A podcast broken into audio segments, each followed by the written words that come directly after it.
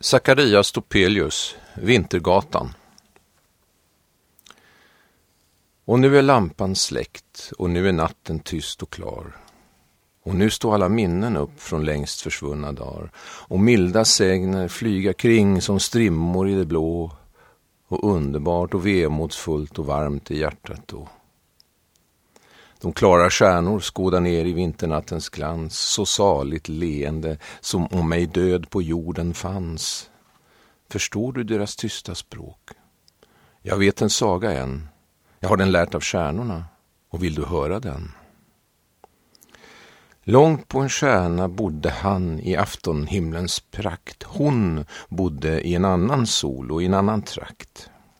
Och Salami, så hette hon, och Sulamit var han och båda älskade så högt och älskade varann. De bott på jorden båda förr och älskat redan då, men skildes åt av natt och död och sorg och synd och så. Sen växte vita vingar fort på dem i dödens ro. De dömdes långt ifrån varann på skilda stjärnor bo.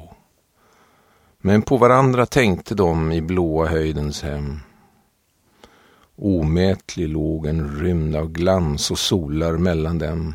Tallösa världar, underverk av skaparens visa hand sig bredde mellan Salami och Solamit i brand.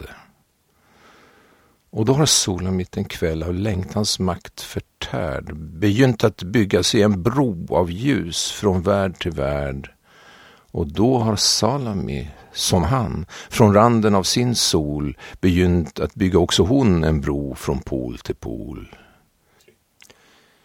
I tusen år så byggde de med omotståndlig tro och så blev Vintergatan byggd.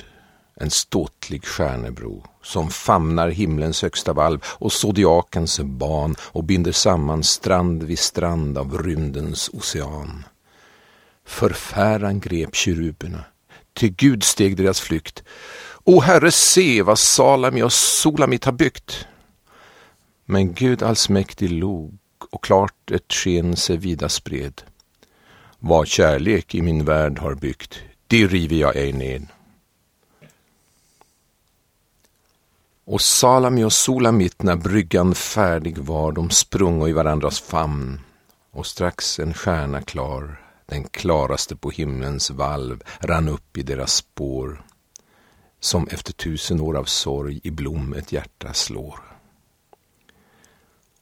Och allt som på den dunkla jord har älskat ömt och glatt och skildes åt av synd och sorg och kval och död och natt, har det blott makt att bygga sig från värld till värld en bro, var viss det ska sin kärlek nå, dess längtan ska få ro.